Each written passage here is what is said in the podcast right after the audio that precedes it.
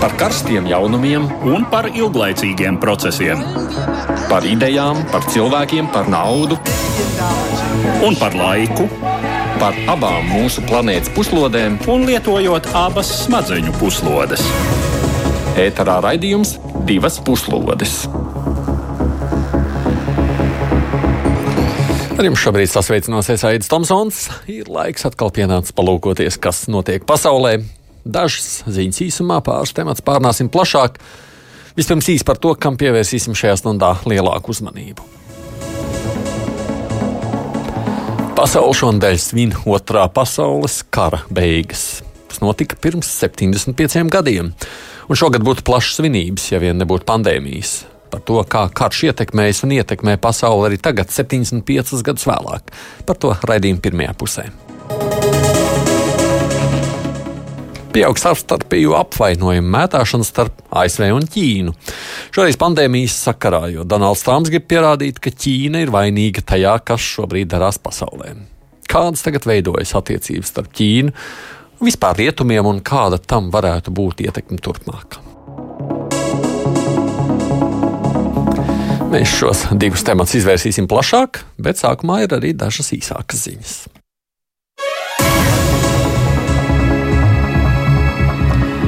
Visā pasaulē šajā laikā tiek meklēti visdažādākie risinājumi, kā palīdzēt pandēmijas postītajai ekonomikai.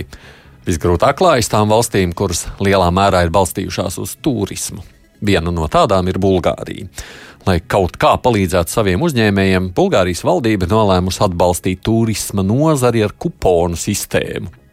Ieceres mērķis ir iedrošināt pašus bulgārus vasarā izmantot iespējas, lai atpūstos kuponu sistēma pašais tiek izstrādāta. Proti, Bulgārija cer atvērt brīvdienu atpūtas vietas 1. jūlijā. Valdošās partijas ir vienojušās, ka restorānu un kafejnīcu terasēs galdiņā aizvietoja ar pusotru metru distanci, Tā ir piekāpšanās šo uzņēmumu īpašniekiem, jo sākotnēji bija paredzēta 2,5 metra distance. Restorāniem un kafejnīcēm tika atļauts darbu atsākt jau trešdien. Bulgārija ir nabadzīgākā no Eiropas Savienības valstīm, un turisms tur sastāv vismaz 12% no Bulgārijas iekšzemes koprodukta, bet turismu nozarei nodarbināti 11% no strādājošajiem.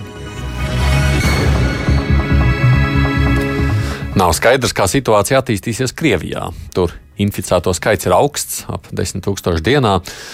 To, cik šie cipari ir uzticami, neviens īsti nezina. Pašā Krievijā oficiālo skaitļus daudzi apšauba, jo to apkopošana no reģioniem esot gandrīz neiespējama. Tikmēr pieaug bažas par to, kā pandēmija ietekmē situāciju ģimenēs. Vardarbība pret sievietēm pieaugusi vismaz divas reizes. Tā ir otrdien brīdinājusi valdības cilvēktiesību komisāra Tatjana Moskaļkova. Aprīlī palīdzības dienas saņēmuši vairāk nekā 13,000 zvanu par vardarbību ģimenē. Martā to bijusi pusmazāk. Krievijā sist sievas, jeb sievas iekaustīšana ir diezgan parasta lieta. Saskaņā ar statistiku, vardarbība ģimenē, diemžēl katru gadu tūkstošiem sieviešu tur beidzas letāli. Polijā šajās dienās noritējusi ļoti aktīva cīņa par vai pret prezidenta vēlēšanām. Valdošā partija bija ieplānojusi tās šajā svētdienā, valsts mērogā organizējot balsojumu pa pastu, taču parlamenta augšpalātas senāts otrdien noraidīja likumprojektu, nu un visbeidzot trešdienas vakarā piekāpties nācās arī valdībai. Jo, lai atceltu senāta lēmumu, būtu nepieciešams absolūts balsu vairākums. Polijā valdošā Nacionāla konservatīvā partija likums un taisnīgums gribēja, lai vēlēšanas būtu jau šajā svētdienā. Partija ir vairākums Seimā, bet balsojumu pa pastu visticamāk noraidītu arī daži šīs partijas deputāti, kas saistīti ar bijušo vicepremjeru Jaroslavu Govinu. Govins šī jautājuma dēļ aizgāja no valdības, paziņojot, ka prezidenta vēlēšana rīkošana svētdien šādā veidā radītu draudus pilsoņu veselībai jaunā koronavīrus pandēmijas apstākļos. Tagad valdošie soli noteikti jaunu datumu, joprojām rēķinoties, ka prezidentu būs jāvēl balsojot pa pastu. Venezuelas prezidents Nikolas Maduro ir paziņojis, ka ir apturējis pret viņu vērsto atentātu, kur esot atbalstījuši Savienotās valsts. Varas iestādēm izdevās aizturēt virkni algotņu, kas ieradušies kuteros no Kolumbijas. Viņu vidū ir arī divi ASV pilsoņi. Ģenerāla prokurors žurnālistiem klāstīja, ka nolīgti algotņi parakstījuši līgumu par 212 miljoniem ASV dolāru ar opozīcijas līderu Juanu Gvaido. Turklāt drīz vien noskaidrots arī, ka operācijas rīkošanā iesaistīts ASV privāts apsardzes firmas vadītājs, bijušais specvienības karavīrs Jordans Gudro. Gudro patiešām nenoliedz, ka viņš esot vienojies ar Gvaido, lai īstenot militāru operāciju. Tomēr opozīcijas līderi preses pārstāvji izplatījuši paziņojumu, ka viņi noliedz apsūdzības un uzstāja, ka Gvaido nav nekādu līgumu ar privātām apsardzes firmām. Arī ASV prezidents Donalds Trumps ir noliedzis, ka Savienoto valstu valdībai būtu saistība ar incidentu Venezuelā, taču federālās struktūras uzsākušas ir izmeklēšanu pret Gudro. Interesanti notikumi šajās dienās ir izcinājušies Kazahstānā, kur prezidents no amata sestdien atbrīvojas senāts spīkeri Darigu Nazarbajevu. Viņa ir iepriekšējā prezidenta Nursultana Nazarbajeva meita. Viņa par senāta priekšsādātāju kļuva pagājušā gada 20. martā, tajā dienā, kad tēvs atkāpās no Kazahstānas prezidenta amata un par valsts galvu kļuva Tokājevs, kurš līdz tam bija senāta spīkers. Daudz uzskatīja, ka 66 gadus vecais Tokājevs ir tikai pagaidu prezidents, bet prezidenta amatam tiek gatavota darīga. Tomēr nu, izskatās, ka varas tandēmā izveidojusies plaisa. Iepriekšējais prezidents līdz šim tika uzskatīts par galveno lēmumu pieņēmēju valstī. Viņam ir tituls nācijas līderis. Viņš ir arī drošības padomas priekšsēdētājs un valdošās partijas vadītājs. Tomēr arī jaunais prezidents nevēlas zaudēt varu Tiesa pagaidām situācija nedz viņš, nedz arī iepriekšējais prezidents tā publiski nav komentējuši.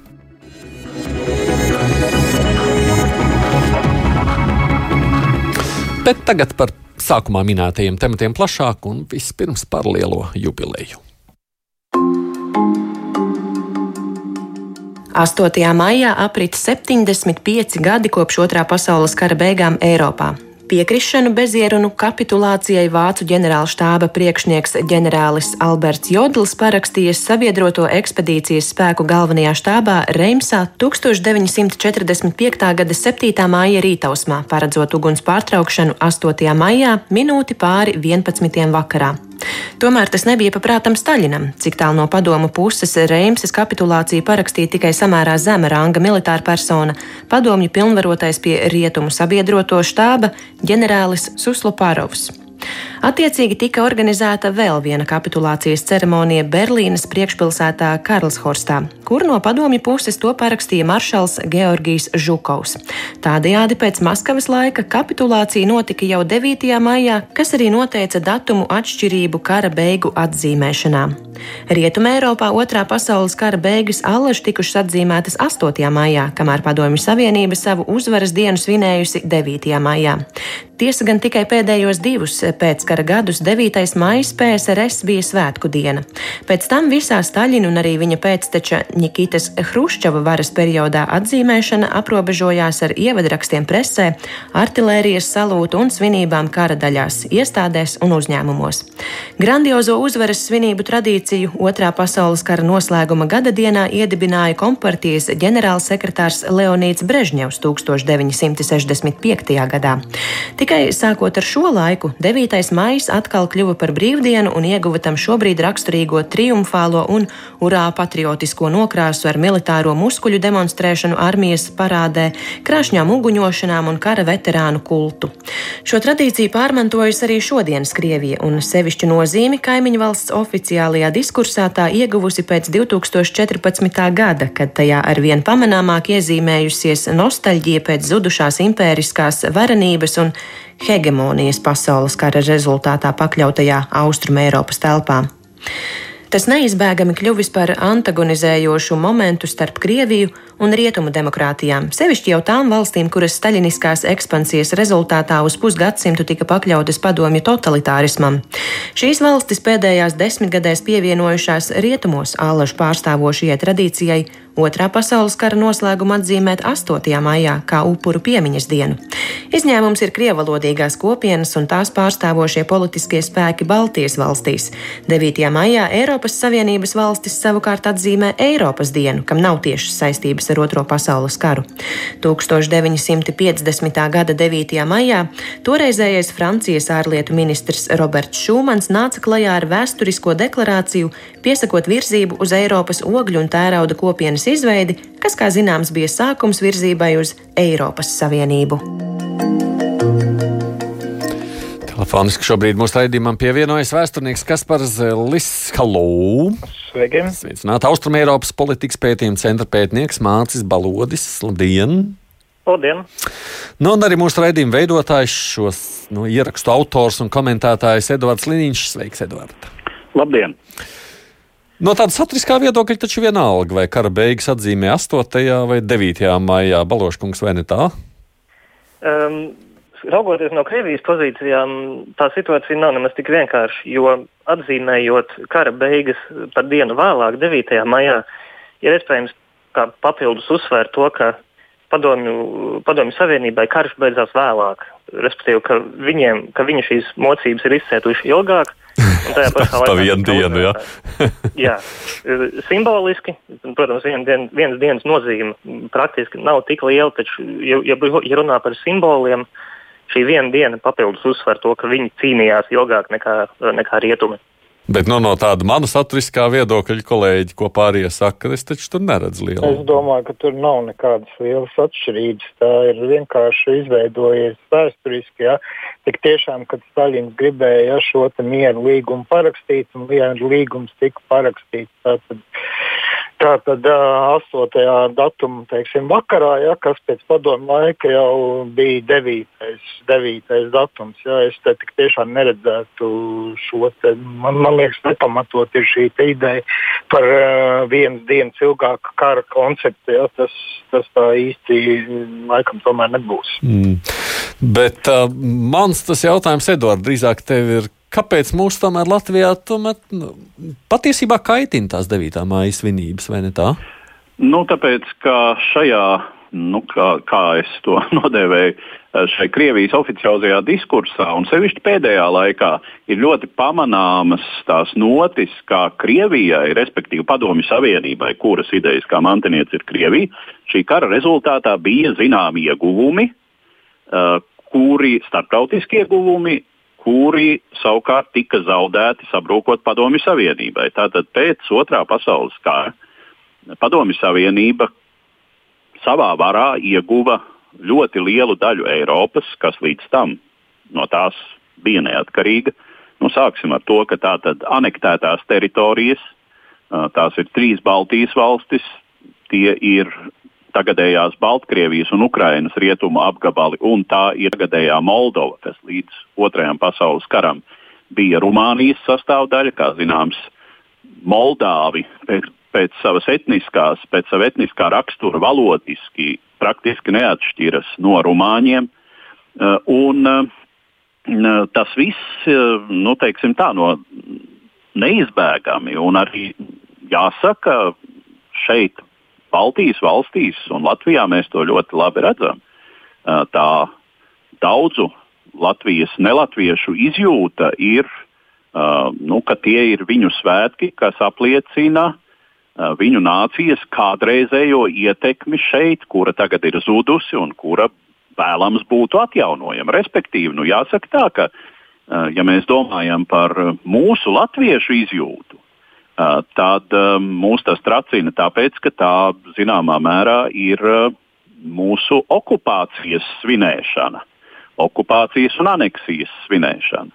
Jo mums šīs lietas nav atdalāmas. Tātad otrā pasaules kara rezultāts Latvijai, Latvijas nācijai bija ne tikai nu, kara, šīs nelaimes beigas, bet, diemžēl, arī 50 gadi okupācijas un aneksijas un uh, pastāvēšanas padomju totalitārismu sistēmā, kas bija absolūti degradējoša Latvijai, kas uh, noveda latviešu nāciju tuvu pie minoritātes statusa pašas uh, etniskajā teritorijā un tā tālāk. Mm, jā, bet tajā pašā laikā Zeļkungs, nu kā tad, tad sanāk no vienas puses kara beigas, taču ir kaut kas labs, vai ne tā? Jā. No otras puses mēs sakām, ai. Redziet, nu, jāsaka tāda banāla frāze, ja, ka vēsturē jau nav melnbalta krāsa. Un, ja kurā gadījumā arī kara beigās, ja mēs varam, kara beigas mēs varam pamanīt gan pozitīvos, gan negatīvos iegūmus. Ja. Un šajā gadījumā, ja mēs skatāmies uz teiksim, Krievijas e, veidoto pareizāk sakot, pilnveidot to padomju mītu ja, par otro pasaules kara beigām, ja, tad to, šī mīta krīt ārā ļoti daudz teiksim, lietas, kas liekas būtisks ne tikai mums, bet arī būtībā jebkuram cilvēkam, kas interesējās par otro pasaules karu. Respektīvi, lielais Tevijas karš viņiem sākas 41. gadā, un ar to viņi izmet šo karu ārā no otrā pasaules kara norisēm. Ja? Mm -hmm. Kā rezultātā pilnīgi pazūd šie procesi, kas notika 39. un 41. gadā, Baltijas valstu okupācija, agresija pret Somiju, Poliju ja? un tā tālāk un tā joprojām. Respektīvi, mm -hmm. pazūd arī sabiedroto iesaiste. Ja, otrā pasaules kara mm, nozīmē austrumu frontē kaut vai šo Lenslīzu palīdzību, bez kā mm, šodien vēsturnieki uzskata vispār nebūtu iespējama ja, tik strauja šī te, mm, padomju uzvara un citas lietas. Vienā, vienā, vienā vārdā sakot, ja, šis kara, kara, kara mīts ja, tiek veidots vien, vienpusīgi. Otra lieta, ko mēs varētu teikt ja, par ieguvumiem, ja, ko padomju savien, Savienība ieguva ja, un ko šodien atkal neakcentē, ja, tas ir vēl stiprāks, vēl smagāks staļinisma režīms nekā viņš bija pēc pirms otrā pasaules kara. Ja, piemēram, mēs runājam, un padomu Krievijā arī nostiprinājies šis apzīmējums par lielo teroru. Mums šķiet, jā, ka tas lielākais terors un lielākās apcietināšanas notika 37. un 38. gadā. Nekā tam līdzīgi. Ja, lielākās, lielākā, lielākais ieslodzīto skaits un lielākās represijas padomu Savienībā ir vērojams tieši pēc otrā pasaules kara. Un atzīt to, ka būtībā padomu Savienība uh, vinējusi ir šo karu un nostiprinājusi sevi eh, pati savā valstī un pusē Eiropas totalitāras diktatūras, ja, nu, ir ļoti, ļoti, man liekas, eh, nērti priekš šodienas mm. Krievijai atzīt to. Baloškungs savukārt, nu, kā tad izdodas tādu valstu skatījumu uz to, kas ir noticis tagad? Karš beigas, un pēc tam mums ir katram vienkārši sadzīvojam dažādās valstīs ar dažādu vērtējumu tam? Um, šobrīd uh, faktiski jā, ir izveidojusies tāda situācija, ka Krievija ir, um, ir izmantojusi Otro pasaules kara mantojumu, lai veidotu faktiski nācijas lepnumu un identitātes uh, pamatus. Uh, pieminot, gan pieminot upurus, gan vienlaikus izmantojot to nepiln, nepilnīgi un nepilnvērtīgi atspoguļo to vēsturi, lai liktu uzsvaru uz to, ka nācija ir uzvarējusi, nācija pašupurējās pareizā mērķa vārdā, nācija atradās pareizajā vēstures pusē, respektīvi pret uh, nacismu. Turpretī, mm, piemēram, Baltijas valsts atkal ir tajā pozīcijā, un, ka vēsture nav uzskatāma tīri par baltu vai melnu jautājumu, uh, bet gan uz lietām ir jāskatās, uz notikumiem ir jāskatās to vēsturiskajā kontekstā.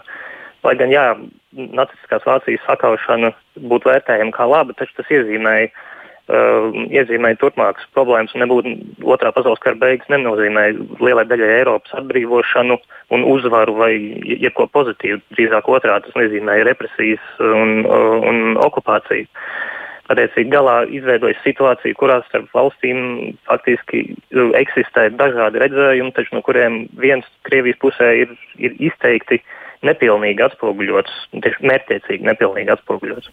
Bet arī tādā, jā, bet tādā jā, valstī, ja jau, nu, vēl, jā, ja jau teiksim, vēl varētu samierināties ar dažādu skatījumu uz pagātni un šo dažādo m, pieeju valstu lomai uh, otrajā pasaules karā, Um, tad nu, nav jau runa tikai par vēstures vērtējumu. Runa ir, ir arī par šo nu, absolūti, es teiktu, neētisko un uh, gribās teikt tādu infekciozo motīvu.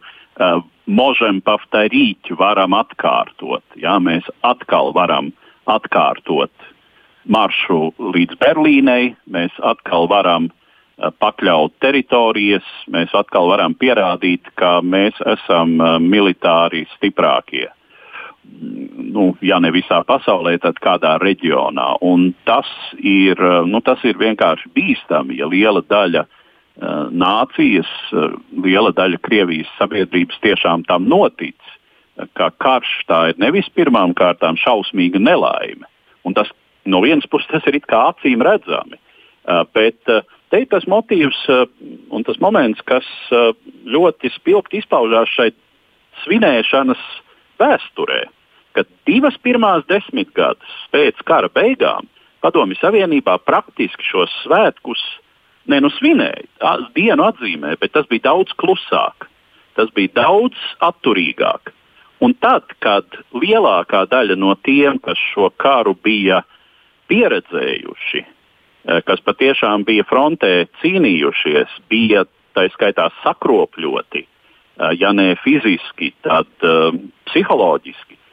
Viņi jau acīm redzot bija labākā saulē, bija jau izaugusi paudze, kas karu kā tādu vairs neatcerējās ar visām tām šausmām. Un tad varēja veidot šo skaistā, lieliskā kara, uzvarētā kara priekšstatu. Karu ar salūtiem, ar fanfārām, kur galvenais motīvs ir salūts par ieņemtajām, atbrīvotajām, respektīvi, pils, tajā diskursā pilsētām. Nu, protams, jā, atbrīvotām tur, kur runa bija par Padomju Savienības teritoriju, bet kad šodien Krievijā salutē par Rīgas atbrīvošanu, piemēram, ja, nu, tad, eh, protams, ka es atkārtošos, Latvijā tas uh, labākajā gadījumā izraisa nīgrus mīnus, sliktākajā gadījumā uh, žagas.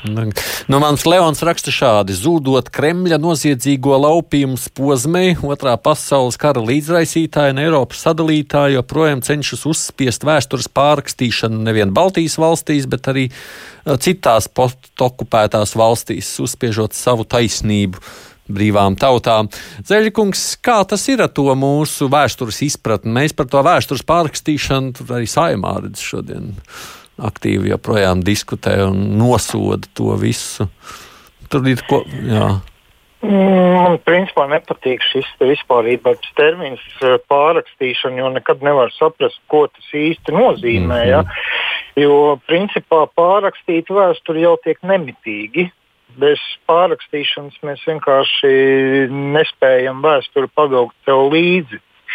Un vēsture, ja mēs runājam viņu šādā te, teiksim, politiskā līmenī, ja, viņa lielā mērā tiek izmantota nevis lai atainotu uh, objektīvi ja, šo pagātni, bet būtībā lai nospraustu kaut kādus nākotnes uh, horizontus. Un uh, šādā gadījumā, ja tik tiešām mēs varam skatīties uz, uh, uz vēsturi divos plānos. Viens no tiem plāniem ir akadēmiskā vēsture, ja, kur tik tiešām notiek, teiktu, izsvērta um, avotu analīze un, um, un, un, un pētniecība ja, par dažādām problēmām. Uh, lai kā mums šodien nelikto, šie pētniecība notiek arī Krievijā, un starp citu diezgan augstā un objektīvā līmenī, tikai neviens šo pētniecību neņem, tā saka, galvā. No otras puses pastāv teiksim, instrumentalizētā vēsture, ja, jeb vēsture kā politiskās atmiņas instruments, ja, kur tad mēģina, ja, teiksim, kā to labāk pateikt, tieši mēģina iekonservēt šos politiskos mītus kaut kādā noteiktā stadijā. Un to mēs Krievijā ļoti, ļoti labi redzam. Un šī vēsture ja, parasti izpaužās uh, caur uh, masu informācijas līdzekļiem, uh, caur eh, dažādām uh, televīzijas filmām, ko rada Krievija teiksim, nepārtraukti. Ja, kura brīžiem iet uh, nu, teiksim, pretrunā pat ar vēsturisko patiesību, ja, kas ir sen jau varbūt noliegta. Ja. Nu, teiksim, viens no tiem senajiem labajiem piemēriem ir uh, Krievijā jau sen tika demontēts piemēram, mīts par, mīts par uh, 28 panfīloviešiem, ja, kas aizsargāja Maskavu. Ja. Uh, tika publicēti dokumenti, jā, iznāca pētījumi, jā, un tad pēkšņi jā, iznāk filma, kurā būtībā tiek atkārtots tas padomu mīts, kuram nav nekādas reālais, reālās, reālais varbūt segums ar to, ko ir ko izpēt veikuši vēsturnieki. Un šādā gadījumā tiešām, ja, ja mēs raugamies uz to, ka politiskā vāra mēģina kaut ko iekonservēt un mēģina ko padarīt par savu politikas instrumentu, par to, jāizturas ļoti, ļoti uzmanīgi un ļoti, ļoti bažīgi, es teiktu, pateikt. Ja. Un, e, zināmā mērā Krievijā, ja, šādu te, nu, ņemot vērā arī Krievijā pieņemtos teiksim, likumus par e, pret e, vēsturiskās taisnības izkropļojumiem un tā tālāk un tā joprojām, ja, šāda te šāda te, teiksim, izpēte pam, pamazām objektīvā izpēte kļūst nu, faktiski ļoti, ļoti apgrūtinoša. Mm. Un, uh, pārsvarā tas dod uh, pamatus, ja kādā veidā var iedzīvināt sabiedrībā ja, šos politiskās varas uh, radītos un uzturētos vēsturiskos mītus. Vēl viens aspekts vēl šī temata nobeigumā. Mē, Eiropā jau 9. maija ir Eiropas diena. Tajā ierakstā Edvards bija pieminējis, ka nu, šis 9. maija kā Eiropas diena nav saistīts ar kara beigām, bet tajā pašā laikā nu, tās bažas jau par miera saglabāšanu, vai tās nav palīdzējušas Baloškungs virzīties šo Eiropas Savienības ideju? Um, absolūti, jā, tam, tam noteikti var piekrist, jo tieši pēc otrā pasaules kara rietuma Eiropas daļā tieši dienas kārtības viens no svarīgākajiem jautājumiem bija, um, kā samierināt kontinentu valstis, tīpaši galvenokārt tā ir Vācija un Francija, kuras konkurējušas un karojušas pat vairāk gadsimtu starpā.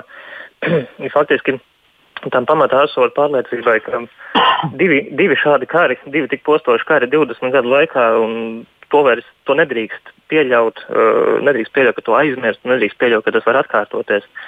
No kā izriet, tiksim, vienlaicīgi veidojas izpratne par to, ka ir nepieciešams nodrošināt mieru, taču nacionālas valstis, kuras visas ap sevi būvē robežu uh, un katra domā tikai un vienīgi par sevi, ka šis risinājums, risinājums ir sevi diskreditējis un tā vietā ir nepieciešams rast veidu, kā valstīm sadarboties, tādā veidā, lai varētu, piemēram, pēckara Eiropā Vāciju atkal reindustrializēt, tādā veidā mm, panākot, kā attīstās Eiropa, jo bez Vācijas resursiem tas būtu ļoti sarežģīti, taču tajā pašā laikā, um, lai nepieļautu, ka, piemēram, Vācija varētu atkal nostāties uz savām kājām un mēģinātu diktēt savus, uh, mēģināt diktēt spēles noteikumus citām valstīm.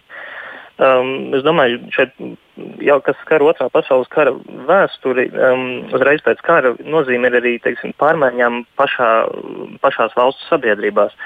Tā, piemēram, kur Vācija tādā ziņā ir interesants piemērs, kurā pašā jau iekšēji veidojās izpratne par to, ka ir nepieciešams pirmkārt uh, tikt uh, skaidrībā pašiem ar savu vēsturi, respektīvi nevis noklusēt tās nērtās patiesības, bet gan tās tieši likt dienas gaismā un skaidrot to, kā tas vispār varēja notikt un kā to novērst. Tīpaši arī liekot uzsvaru, piemēram, uz izglītību, lai panāktu, ka vismaz nākamās paudzes, ka jaunieši vairs neatkārto šīs iepriekšējo paudžu kļūdas.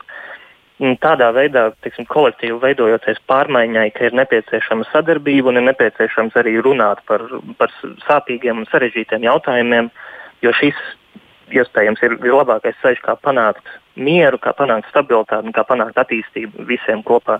Tīpaši ņemot vērā, ka tajā laikā runa ir arī par to, ka ir nepieciešams pretoties uh, eh, PSRS ietekmei, kas tobrīd jau bija faktiski tā bija kaimiņu valsts uh, Rietumē Eiropai. Jā, nu, no tāda viedokļa šo sarunu uh, noslēdzot, jāsaka, ka mēs varbūt tā ikdienā nenovērtējam līdz galam, jo rezultāts jau tad ir labs, vai ne? Skatoties, kas šajos 75 gados ir noticis, Eiropā ir miers. Tas ir skatoties, kā to pārfrāzēja. Ja, ja mēs ņemam, teiksim, Veidzekeri, ja, teiksim, kurš 85. gadā Vācijas prezidents pasludināja, ka um, Vācija tika atbrīvota, ja nevis, nevis teiksim, ieņemta, ja, tad nu, par galveno mērķi ja, tika pārfrāzēts, pārinterpretēts, ka Vācija tagad ir iegūsi brīvību. Un Vācija arī, teiksim, svin atbrīvošanas dienu no nacionālsociālisma kā tāda. Mm. Tas, nu, ir, tas, protams, tas, protams kādas, kādas mēs uzliekam šos akcentus. Mm -hmm, mm -hmm. Jā, kas, protams, ir zināmā mērā pamatot attiecībā uz Vāciju. Jo, protams, jā, nu, Vācija tika atbrīvota no nacionāla sociālisma, no hitlerisma un lielākajai daļai Vācijas tas nozīmēja sākumu virzībai uz uh, demokrātisku sabiedrību. Tātad rietumvalstu okupācijas zonās. Nu, atlikusī, mm, atlikusī Vācijas daļa, kuru mēs pazīstam kā Austrumu Vāciju uh, pēc otrā pasaules kara un uh, oficiāli Vācijas Demokrātisko republiku, tur nācās uz to gaidīt vēl arī 50 gadus. Tur izveidojās uh, ļoti skarbs totalitārs režīms, kas daudz neatpalika no padomju režīma Jā. savās izpausmēs. No nu, tā mēs varētu turpināt, bet es jums saku paldies par šo interesanto sarunu. Vispirms paldies vēsturniekam Kasparam Zēlim. Jā, paldies jums paldies. par pievienošanos, jo pārējie raidījuma dalībnieki paliek pie klausulas. Mēs turpinām ar nākamo tematu, kas ir vairāk par Ķīnu un ASV, bet nu ne tikai. Es esmu pilnīgi pārliecināts, ka Ķīnas komunistiskajai partijai nāksies samaksāt par to, ko tā nodarījusi. Katrā ziņā samaksāt Savienotajām valstīm. Šo valsts sekretāra Maika Pompeo repliku intervijā telekanālam Fox News nu jau pāris nedēļas pastāvīgi citē pasaules mediji. Koronavīrusa pandēmija, kas skārusi Savienotās valstis, sevišķi smagi ir izraisījusi jaunu saspīlējumu ciklu attiecībās starp Vašingtonu un Pekinu. Prezidenta Trumpa administrācija un republikāņu partija partijas aprindas akcentē Ķīnas vadības vainu sākotnējā vīrusa epidēmijas izplatības noklusēšanā un vēlākā informācijas sagrozīšanā, kas veicinājusi tās pāraugšanu pandēmijā. Tāpat izpaudusies informācija par administrācijas spiedienu uz izlūkdienestiem pieprasot atklāt vai, bet pēc dažu avotu ziņām, ka koronavīrusa avots ir mikrobioloģijas laboratorija Uhaņā. Pirmais šīs ievirzes upuris bija Pasaules veselības organizācija, kurai tika pārtraukts amerikāņu līdzfinansējums līdzfinansējums, vainojot tās vadību pakalpošanā Pekinas režīmam. Tagad aktualizējušās diskusijas par iespējamām soda sankcijām jau pret pašu Ķīnas Tautas Republiku. Tomēr, ievērojot abu superlielvalstu ekonomikas ciešo saistību, katrs iespējamais sankciju instruments izrādās apusgriezīgs zobens. Jaunu muitas tarifu ieviešana Ķīnas importam nozīmētu neizbēgamu atbildes reakciju, kas pirmām kārtām skārtu amerikāņu lauksaimniecības produkciju. Tātad būtu trieciens fermeriem, kas ir viens no nozīmīgākajiem Trumpa elektorāta segmentiem. Tiekot domāts par vispārēju ārējās tirdzniecības stratēģijas maiņu, pārorientējot amerikāņu ekonomikas piegāžu avotus no Ķīnas uz citiem reģioniem un pēc iespējas uz pašmāju tirgu. Tomēr šai ziņā ātri risinājumi nav gaidāmi, jo, piemēram, šobrīd ļoti nepieciešamo individuālās aizsardzības līdzekļu, medicīnas aprīkojumu un tā komponentu, arī dažu medikamentu importā Savienotās valstis ir jūtami atkarīgas no Ķīnas. Un nepārprotami šāda pārorientēšanās nozīmētu patēriņa preču cenu pieaugumu, kas nebūtu neiepriecinātu prezidenta Trumpa potenciālos vēlētājus. Tiek apsvērta iespēja vērsties ar civilprasībām pret Ķīnas kompartiju, taču mēģinājumi apķīlāt ar partiju saistītos īpašumus Savienotajās valstīs varētu izraisīt līdzīgas Pekinas režīma akcijas pret amerikāņu kompāniju īpašumu Ķīnā. Katrā ziņā eksperti joprojām nav vienisprātis par to, vai pēdējo nedēļu draudīgā retorika par Ķīnas sodīšanu ir kas vairāk par efektīgu priekšvēlēšanu kampaņas taktikas elementu.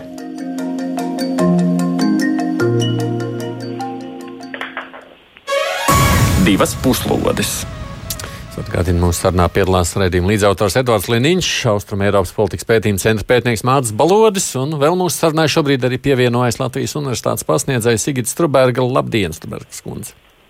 Labdien! Kā tad ir šī amerikāņu retorika? Tad tas ir kas vairāk par tādu vienkārši priekšvēlēšanu PR, kā jūs domājat?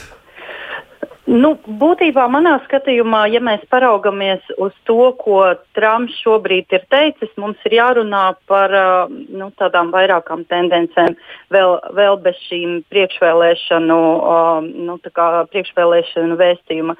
Pirmkārt, ir jāsaka, ka visai daudzi pētnieki šobrīd ir vienojušies uzskatā par to, ka Trumpa uh, komandu uh, kopumā nu, drīzāk raksturo tāds uh, pilnīgs nulles summas spēles skatījums uz attiecībām ar Ķīnu, kas tad arī reflektējās ne tikai Trumpa retorikā, bet arī um, vairākās uh, politikās, kas tiek realizētas. Ka, kas ir nulles spēles summa? nulles summas spēles skatījums tas ir tā, ka būtībā vai nu, vai nu mēs vinnējam, vai mēs zaudējam, un abiem kopā mums ar Ķīnu vinnēt nesanāks. Aha, sapratu. ta, ta, tas, ir, ta, tas ir tā. Līdz ar to viņi drīzāk skatās, ka uh, tā, lai. Nu, Tā, lai sanāktu situācija, vēlamie, viņiem vēlamais virziens mm -hmm. būtu, lai Ķīna nekādas priekšrocības iegūt nevarētu. Mm -hmm. Bet uh, ir arī skaidrs, ka um, nu, kopumā uh, ASV, kā jau tika ievadā teikts, uh, pilnīgi noteikti ļoti ievērojami um, zaudētu ASV ekonomika līdz ar to. Mm, nu, visticamāk, tik vienkārši visu uh, mainīt un pilnībā novērst ātri atkarību no Ķīnas ASV neizdosies. Turklāt ir jāņem vērā arī tas, ka um, nu, Trumpa retorika nevienmēr nozīmē, ka uh, tūlīt rītā ne, nebūs kāda cita veida retorika. Mēs varam atcerēties, kā notika ar uh, Ziemeļkoreju un raķešu vīru, ar kuru beigās Trumps pateica, ka ir draugs. Mm -hmm. uh, tāpēc, tāpēc tas var noteikti mainīties.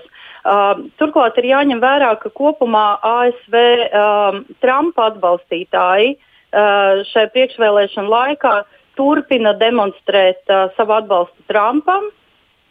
Un, uh, un ta, tas, par ko Trumpu kritizē, tā skaitā šobrīd nu jau pat uh, iespējams meliem par Ķīnu, būtībā nu, tas nesasniedz uh, Trumpa atbalstītāju ausis, jo viņi uzskata, ka, par, ka par, uh, par pašu Trumpu tiek melots. Uh, bet kas noteikti vieno ASV uh, iedzīvotājus, gan, gan republikāņu, gan demokrātu atbalstītājus, tā ir neusticēšanās Ķīnai. Tas nu gan ir fakts. Līdz ar to iespējams, ka tiešām šīs diskusijas, ko Trumps šobrīd mēģina rosināt, uh, tikpat labi varētu arī beigties, un iespējams mēs varētu atgriezties pie tā stāvokļa, kas bija janvārī, kad uh, abas uh, puses mēģināja uh, rast risinājumus uh, šim savstarpējam ekonomiskam pretstāvējumam. Mm. Uh, mm -hmm. Kopā ar iesaka jūs dalībnieki mūsu? Jā, nu, es droši jā. Sāksim ar Baloškungu. Jā, jā, paldies. Um, es kopumā jā, liecos mm, piekrist jau iepriekš paustiem viedoklim.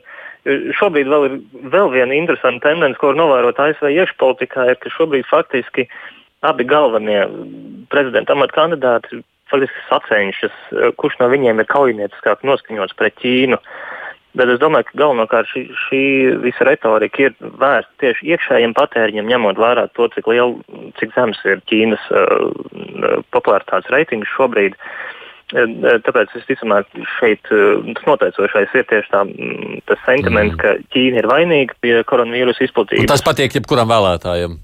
Jā, tieši tā, jo ir atrasts grākāzes, ir atrasts kāds, kurš ir vainīgs, kurš ir uh, novēlot reaģējis un mēģinājis maskēt situācijas nopietnību. Un plus arī mm, Trumpa administrācijai šis ir veids, kā arī nedaudz novērst uzmanību no savas, uh, teiksim, no savas kompetences trūkuma. Un novēlotās reakcijas. Tieši tā. Un tādā veidā ir iespējams novērst uzmanību un atrast grēkā, kur visi arī jau grib vainot tāpat. Tāpēc es domāju, galvenokārt šī ir šīs retorika paredzēta tieši politiskam patēriņam. Te pašā laikā es pat iedomājos, ja Latvijā kāds visu laiku veļ uz citiem, mums jau žurnālisti Es nezinu, to tik viegli neļauj norīt. Nē, no arī Savienotajās valstīs uh, žurnālisti to, uh, to neļauj viegli norīt, jo, nu, teiksim, ja palasa un paskatās to, ko raksta un raida, piemēram, kanāls CNN, nu, tas ir ļoti, teiksim, pat ironisks par šo Trumpa retoriku un tūdaļ. Nāk, pirmajā teikumā citējot Trumpu, nākamajā saka, ka uh, nu, paskatī, lai viņš pats paskatās, tā sacīt, tēlēni izskoties spogulī. Kā tas lielā mērā ir saistīts ar paša Trumpa īpatnējo reakciju koronavīrusa izplatīšanās sākumā Savienotajās valstīs. Nu, kā zināms, absolūtos skaitļos Savienotās valstis ir maksājušas visaugstāko cenu šai pandēmijai, mirušo skaita ziņā, saslimušo skaita ziņā. Un lielā mērā, nu, teiksim, prezidenta sākotnējā rīcība un retorika.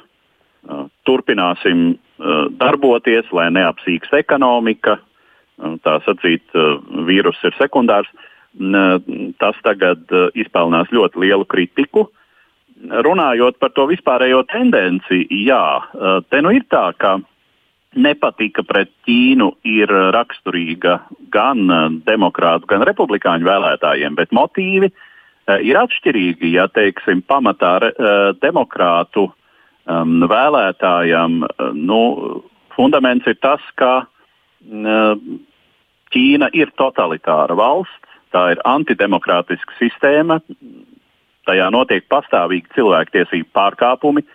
Tā ir kāpinājusi savu agresiju reģionā. Nu, tās ir tās pamatlietas, kāpēc demokrātu vēlētājiem varētu nebūt pieņemama Ķīna. No otras puses, no republikāņiem šie motīvi droši vien arī ir klātesoši, jo nu, republikāņu uh, Eh, partijas politika alaži ir bijusi vēl neiecietīgāka pret uh, totalitāriem uh, un marksistiskas ievirzes režīmiem, bet te vairāk šobrīd dominē tie taktiskie motīvi, ka Ķīna ir Savienoto valstu lielākais konkurents ekonomiski pasaulē. Un, bet, nu, kā vieni tā otri vēlētāji, es gribētu to vēlreiz uzsvērt, un to uzsver arī analītiķi. Nu, kā vieniem tā otriem vēlētājiem gribas joprojām pirkt preces par daudz maz pieņemamu cenu. Un, nu, tur ir tā lieta, ka preces par tik pieņemamu cenu šobrīd, kā Savienotajās valstīs, tā visur citur pasaulē, nodrošina Ķīna ar savu lēto darba spēku. Uh, un uh, alternatīvas uh, Ķīnai šādā ziņā nu, ir teiksim, tā pagrūti atrast. Ja? pārorientēšanās uz citiem piegādes tirgiem, nu, kas var būt alternatīva Dienvidkoreja, tas jau ir. Nu, ja mēs tā paņemam rokā savu mobilā telefona aparātu un atceramies, cik tas ir maksājis, tad Dienvidkoreja nu, tas ir apmēram divreiz dārgāk. Un, ja mēs iedomājamies, ka to ražot kaut kur Japānā, tad droši vien tas būtu trīsreiz dārgāk. Un Amerikā ir Apple vai ne? Jā. Bet skatoties kopumā, tas, ko jau iezīmēja Strunbergs kundze, un droši vien jāprasa viņai eh, vispār, nu, kā jums šķiet, tad veidosies Ķīnas un Es pat teiktu, rietumu attiecības. Es nezinu, vai var likt kopā visu rietumus vienā maisā, bet nu, tā kopumā skatoties. Nu, varbūt gluži visus rietumus kopā uh, vienā maisā šobrīd uh, likt nevar, jo mēs tomēr ar vien vairāk mēģinam runāt par Eiropas uh, uh, vismaz līderi mēģina runāt par Eiropas strateģisku autonomiju, un uh, būtībā tas iezīmē šo Eiropas interesi uh, drīzāk dzīvot tādā multilaterālā pasaulē. Bet ir viennozīmīgi, ka Covid būtībā ir izgaismojis un pastiprinājis un pātrinājis tos globālos procesus, kas patiesībā jau notika vairākus gadus. Un vairs nu, vienkārši nav iespējams noliekt, ka ASV šis uh, dominances laiks ir beidzies, tā svara, ko ASV un ietekme, ko baudīja, ir galā. Un mēs uh, tiešām visticamāk ejam uz uh, multipolāru gadsimtu. Tikai jautājums ir par to, vai šajā multipolārajā gadsimtā uh, būs šie spēles noteikumi skaidri un, un, un, un tā nebūs tāda visai bīstama pasaule. Uh, vai, vai arī tomēr mēs spēsim saglabāt.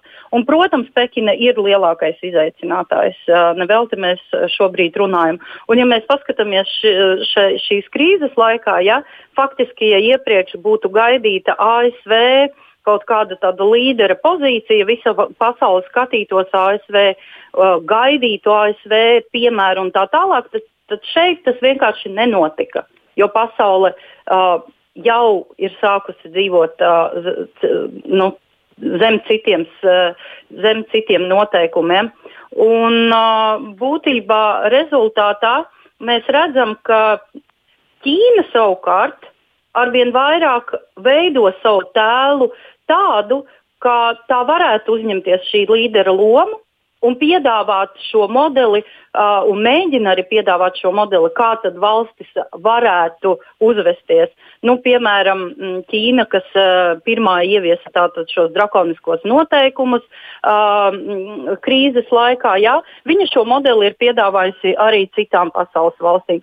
Un, uh, un lai arī, piemēram, tāpat Eiropa nepieņem tieši tādus pašus uh, drakoniskus noteikumus, tomēr ir noteiktas lietas, ko arī Eiropa pārņēma no Ķīnas pieredzes, rūpējoties par sabiedrības veselību. Ķīna ir bijusi veiksmīgāka arī stāstot par, par savu palīdzību, kas būtībā ir tāda nu, maigās varas kampaņa ja, Covid laikā.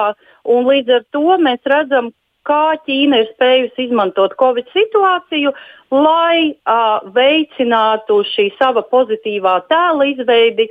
Un, uh, Daļā valstu tas ir arī izdevies. Mēs varam paskatīties daļu Eiropas valstu, kas, uh, kas stāsta to, ka jā, mēs vēlamies pārņemt Ķīnas modeļus, Ķīna mūs atbalsta, mēs redzam Ķīnā šo nozīmīgo partneri.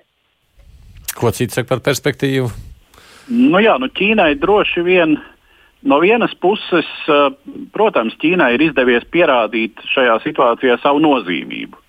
Um, bet nu, tas ir tāds relatīvs ieguvums, jo situācijā, kad uh, nu, vispirms patiešām neviens neaizmirst, ka vīruss izcēlās Ķīnā, un pat neatkarīgi no tā, vai tur ir tiešām uh, kaut kāds pamats šiem pieņēmumiem par uh, vīrusa izsprukšanu no laboratorijas, vai tomēr vienkārši runa ir par dabiskas izcelsmes vīrusu, kura izplatīšanos ļoti veicināja pārapdzīvotība un arī attiecīga attieksme pret sanitārām normām, eh, tad no, nu, vēl ļoti tāds eh, nu, teiksim, biedinošs faktors ir tas, ka situācijā, kad uh, ir jāapkaro vīruss, praktiski neapējams dažāda aprīkojuma piegādes avots ir Ķīna.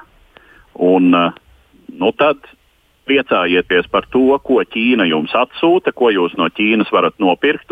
Izpaužas jau arī tās ziņas, ka eh, Ķīnas, varas, eh, Ķīnas diplomātiskie pārstāvji vairākās Eiropas valstīs ir mēģinājuši panākt, tā sacīt, pozitīvu Ķīnas tēla veidošanu, pozitīvas atsauksmes vispār pret šīm piegādēm. Tātad gribat saņemt sejas aizsargu maskas, lūdzu pasakiet, ka tās jums piegādāja Ķīna un jūs esat Ķīnai par to ļoti pateicīgi. Nu, es tā drusku vulgarizēju. Uh, tātad es domāju, ka um, tā problēma uh, tagad pasaulē būs aktuālāka, un es domāju, sevišķi Eiropā, un tādas lietas uh, nu, kuras varbūt agrāk arī netika uzskatītas par strateģiski ļoti nozīmīgām, kā piemēram, vai primāri nozīmīgām, kā kaut kādi aizsargi tērpi, aizsargi maskas vai kaut kas tamlīdzīgs, eh, kā to ražošanā, eh, nu, es domāju, Eiropai vajadzētu domāt par vismaz reģionālu autonomiju no pārējās pasaules. Mm. Baloškungs par perspektīvu. Um, jā, es gribēju papildināt tieši tikko teikto, um, kur, manuprāt, iezīmējās interesanti Ķīnas tendence tieši Eiropā pēdējo nedēļu laikā. Proti, Ķīna ir, protams, aktīvi sākusi, un, sākusi veidot un pilnveidot uh, savu tēlu Eiropā. Taču daudzās, um, daudzās veidos ir redzams zināms līdzības ar Krievijas līdzšinējo pieeju. Piemēram, uh, gan preču piegāda citām valstīm ar nosacījumu, ka jūs pēc tam pateiksieties mums, un, protams, ka mēs no tā, mēs no tā iegūsim savu pozitīvu, pozitīvu prestižu.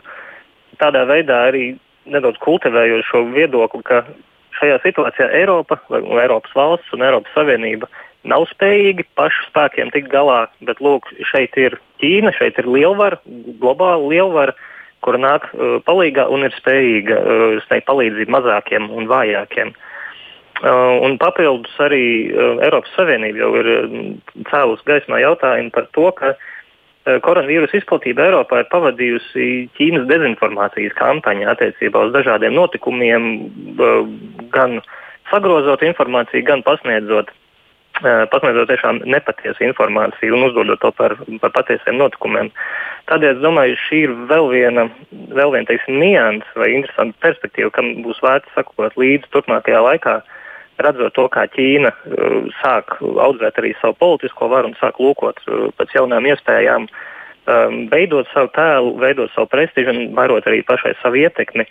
Un skatīties, kā tā izmanto informāciju savā labā, un kā tā, kā tā mēģina izmantot uh, citu valstu vājumu vai arī ne, nespēju kaut ko līdz galam īsti paveikt, izmantojot to savā labā. Nu, jā, un ja es jā, varu jā, jā. šeit uh, papildināt, uh, tad mums uh, tikko nesen ziņās parādījās arī informācija par to, ka Ķīna ir izdarījusi spiedienu attiecībā uz Eiropas Savienības ziņojumu par stāvokli Ķīnā un tam līdzīgi. Bet vēl bez informatīvā aspekta mums noteikti vajadzētu paraudzīties uz to un noteikti pētnieki arī sekos, kā Ķīnas kompānijas šobrīd izmanto situāciju Eiropā. Uh, Un faktiski jau Eiropas komisijas priekšsēdētājs izpildvietniece ir brīdinājusi, ka ir jāuzmanās no Ķīnas kompānijām, kas vēlas uzpirkt Eiropas kompānijas. Arī NATO ir izteikusi brīdinājumus par uh, nepieciešamību aizsargāt uh, Eiropas un rietumu plašāk tehnoloģijas no šīm Ķīnas kompānijām un uh, tam līdzīgi. Līdz ar to būtībā uh, šobrīd, ja Eiropas Savienība uh, spēs uh, būt pietiekami izturētspējīga pret šo spiedienu, ja Eiropas Savienība spēs kaut kādā veidā savākties un palīdzēt viens otram, uh, būt vairāk solidāri, būt vairāk, vairāk sadarb, uz sadarbību vērsti un stiprināt šo Eiropas Savienības eiropeisko narratīvu, tad Ķīnai nevar, nebūs tik vienkārši piedāvāt savu šo uh, modeli vai uh, stiprināt uh, varu Eiropā. Un man šķiet, vēl viena lieta, uz ko vajadzētu noteikti vērst uzmanību, ir tas mhm. uh, ne politiskais līmenis, bet pētnieciskais līmenis un uh, nu, tāds studiju mobilitātes līmenis, jo mēs uh, varam sākt lasīt arī stāstus par to, uh, cik uh, Ķīna jā, paļojās, uh, man jāsaka, jā, jā. Eiropā un Latvijā. Jā. Nē, nu, jebkurā gadījumā paldies jums par interesanto sarunu. Es domāju, ka šis būs nākošo gadu tāds interesants jautājums, kā tas notiksies un kā veidosies šo nu, nezinu, divu pasauļu attiecības. Es jums saku paldies Latvijas Universitātes pasniedzējai Sigits Strubērga, Austrumēropas politikas pētījuma centra pētnieks Mārcis Balods un raidījuma līdzautors veidotājs Edvards Liniņš. Paldies jums! Mūsu producents šoreiz Loreta Bērziņa studijā bija es Aits Tamsons. Tiksimies atkal nākamajā nedēļā. Divas puslodes!